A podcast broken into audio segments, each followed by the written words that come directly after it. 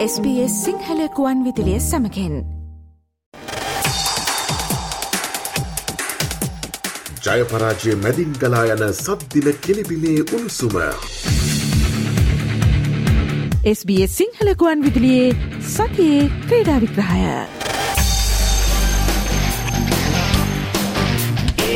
අයිබෝවන් SBS සිංහල සේවේ සතියේ ක්‍රඩා විග්‍රහයෙන් අපි අද පළමුුවෙන්ම අවධාන යොමු කරන්නේ ශ්‍ර ලංකා ක්‍රිකට් ආයතනය වෙතයි. ශ්‍ර ලංකා ක්‍රිකට් ආයතනය සිදු කළ බව කියන මූල්‍ය අක්‍රමකිතා පිළිබඳව පසුගේ සතිය පුරාවටම තොරතුරු වාර්තා කෙරුණා. මෙහිදී ප්‍රධාන වශයෙන්ම චෝදනාව එල්ල කෙරුණේ ශ්‍ර ලංකා ක්‍රිකට් ආයතනය අනුග්‍රහයෙන් නලු නිලියන් ඇතුළු විධ පුද්ගලින් ඔස්ට්‍රලියාවේ පැවති T20 ලෝක කුසලාන ක්‍රිකත් තරංගාවලියට රැගෙනයාම සම්බන්ධවයි. නිමාව T20 ලෝක කුසලාන ක්‍රිකට් තරංගාවලිය ආශ්‍රිතව ශ්‍ර ලංකා ක්‍රිකට් ආයතනය සිදු කළ වියදම් සම්බන්ධව විගණනයක්ද සිදු කෙරුණා.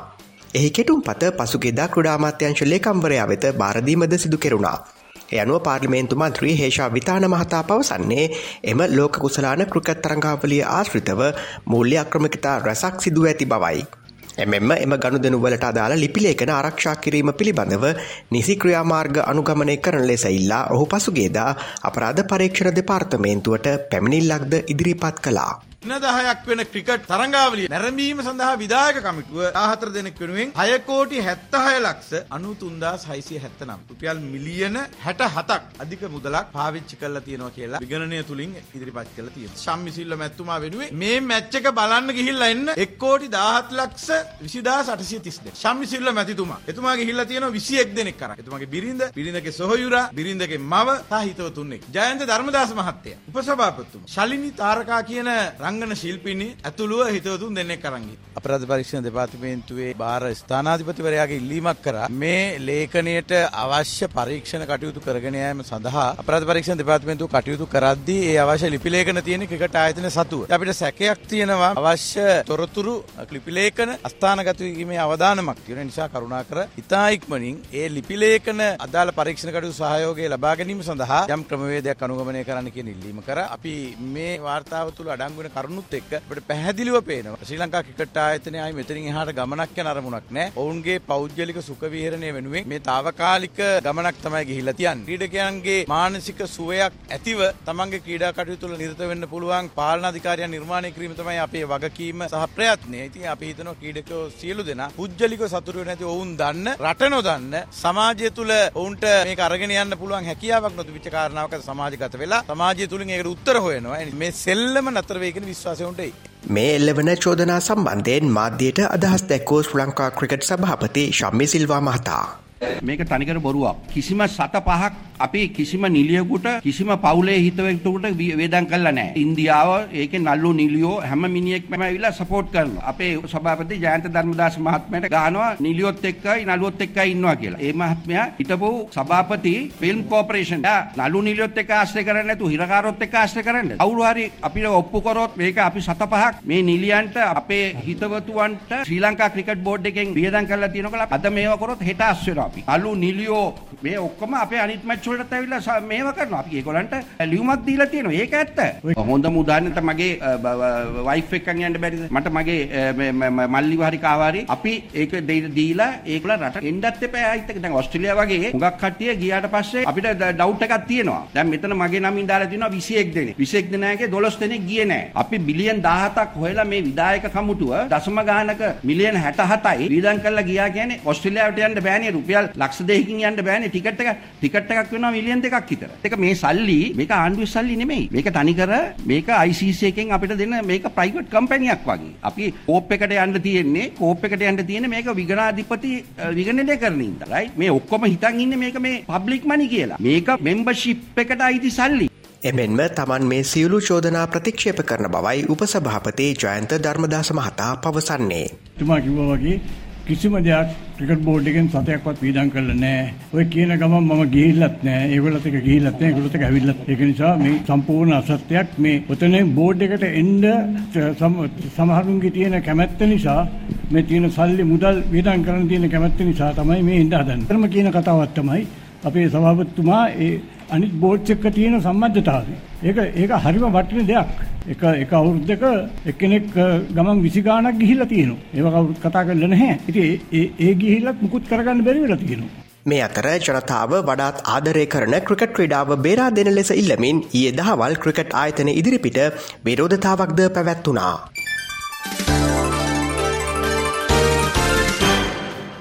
ශ්‍රී ලංකාව සහ පාකිස්තානය අතර පැවති දෙවන ටෙස් තරගෙන් ඉනිමක සහ ලකුණු දෙසේ විසි දෙකක දැවන්ත ජොයක් ලැබීමට පාකිස්තානය ඊයේ සමත් වනා. මේ ශ්‍රී ලංකා ක්‍රිකට් පිලක් පාකිස්තානය හමුවේ ශ්‍රී ලංකාවේදී ලද දරුණම පරාජයයි. මේ ජයත් සමගින් පාකිස්තානය ටෙස් තරංගාවලිය දෙකට බිඳුවක් ලෙස ජයගත්තා.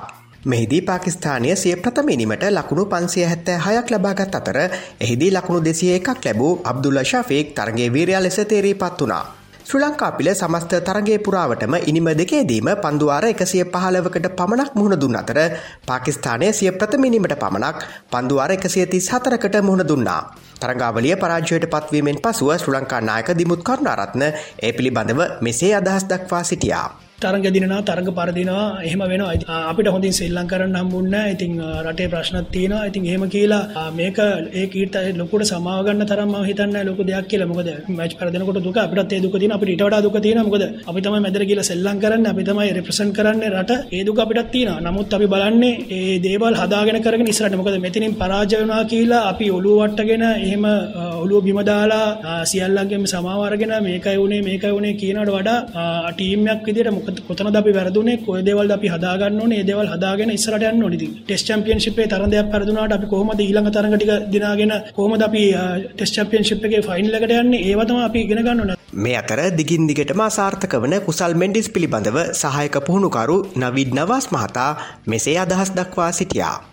නිකන් ඔගොල්ලෝ ඇහැට බැලුවොත් එහෙම ෆෝමැට්ස් තුනම ක්‍රීඩා කරන ක්‍රීඩකයින් වැඩිපුර ඔගොල්ලෝ දකිනවා.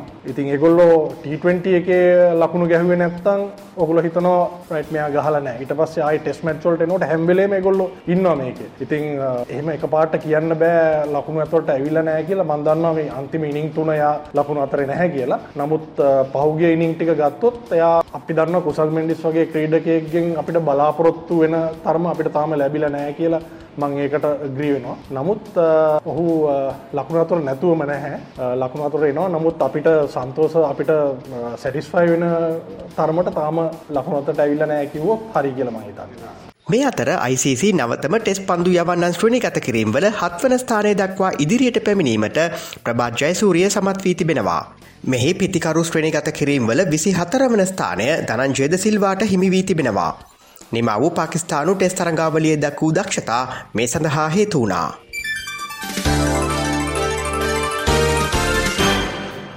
ආසියානු ක්‍රීඩා උළෙල මෙවර චීනයේදී පැවැත්වීමට නියමිතයි. ඒ ලැබෙන සැත්තැම්බර් විසි තුන් වනදා සිට ඔක්තෝම්බර් අටවනදා දක්වායි. මේ සඳහා ශ්‍ර ලංකාව නියෝජනය කරමින් එකසිය පනස් තුන් දෙනෙකුගෙන් සමන්විත කණ්ඩායමක් සහභාගිවීමට නීමිත අතර ඒ සඳහා පසුගේදා ක්‍රඩාමාතිවරයාගේ අනුමැතිය හිමිවී තිබෙනවා. එය අනුව ක්‍රඩකින් හැට දෙකක් සහ ක්‍රඩිකාවන්තිස් හතරක් තරගී සව් විස්සක් නියෝජනය කරමින් මෙවර තරංගාවලියට එක්වනවා.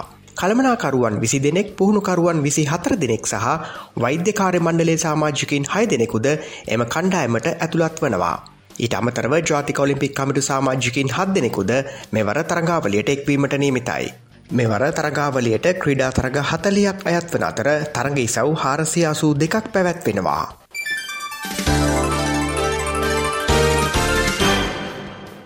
SBS සිංහල සේවේ සතියේ ක්‍රඩා විග්‍රහයෙන් අපි දැන් අවධානය යොමු කරන්නේ ඔස්ට්‍රලයානු ක්‍රඩා පිටිය වෙතයි. අලුබඳුන තරගාවලියේ පස්වන සහ අවසන් ටෙස් තරගය ඊයේ ලන්ඩන් නුවර ඕවල් ක්‍රඩාගනයේදී අරම්භ වුණා. තරගේ පළමුදිනේ නිමාවන විට සිය පළමුනිම ක්‍රඩා කරන ඔස්ට්‍රලියාව එක් කඩුල්ලක් දැවී ලකුණු හැට එකක් ලබා සිටියා. පළමුුව පන්දුට පහරදුන්නේ ගලන්තේ සිය ප්‍රථමිනිමට ලකුණු දෙසියාසූ තුනක් ලබාගත්තා. දෙරට අතර සිවුණ ටෙස් තරගේ ජයපරාජයෙන් තොරව නිමාවීමත් සමගින් මෙවර අලුබදුන තරංගාවලේ ශුරතාව රැකගන්නට ඔස්ට්‍රලියාව සමත් වනා. මේ වන විට දෙකට එකක් ලෙස තරංගාවලිය ඉදිරියෙන් සිටින්නේ ඔස්ට්‍රලියාවයි.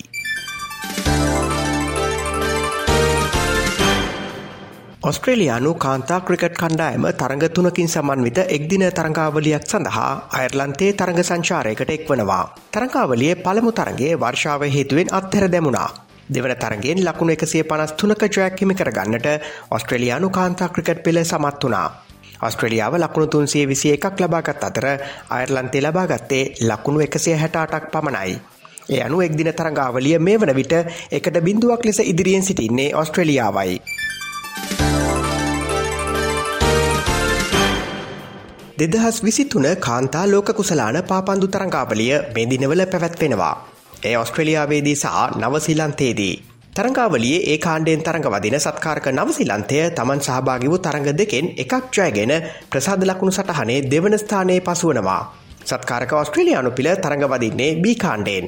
එය අනු ඔස්ට්‍රලියාව ඊයේ e පැවති තරගේ නයිජීරියානු පිළ හමුවේ ගෝල තුනට දෙකක් ලෙස පරාජය ලැබවා.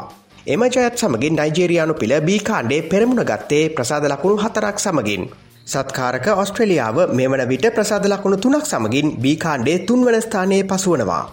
එය අනු ඔස්ට්‍රලියාව සහ කැනඩාවතර තීරණාත්මක තරගය එලබෙන තිස්සෙක් වනදා පැවැත්වීමට නියමිතයි. ඒ සමගින් SBS සිංහල සේවේ සතිය ක්‍රඩා විග්‍රහයෙන් අදට අපි සමුගන්නවා. හමුවමු ලබන සිකුරාදාත් සුපුරුදු වේලාවට. එතෙක් ප්‍රාර්ථනා කරනවා ඩ්‍රැග්‍රාහි සතියක්. ජයපරාජය මැදින් ගලා යන සද්දිල කෙලිබිලේ උණුසුම. SBS සිංහලකුවන් විදිලියේ සතියේ ක්‍රීඩා විග්‍රහය.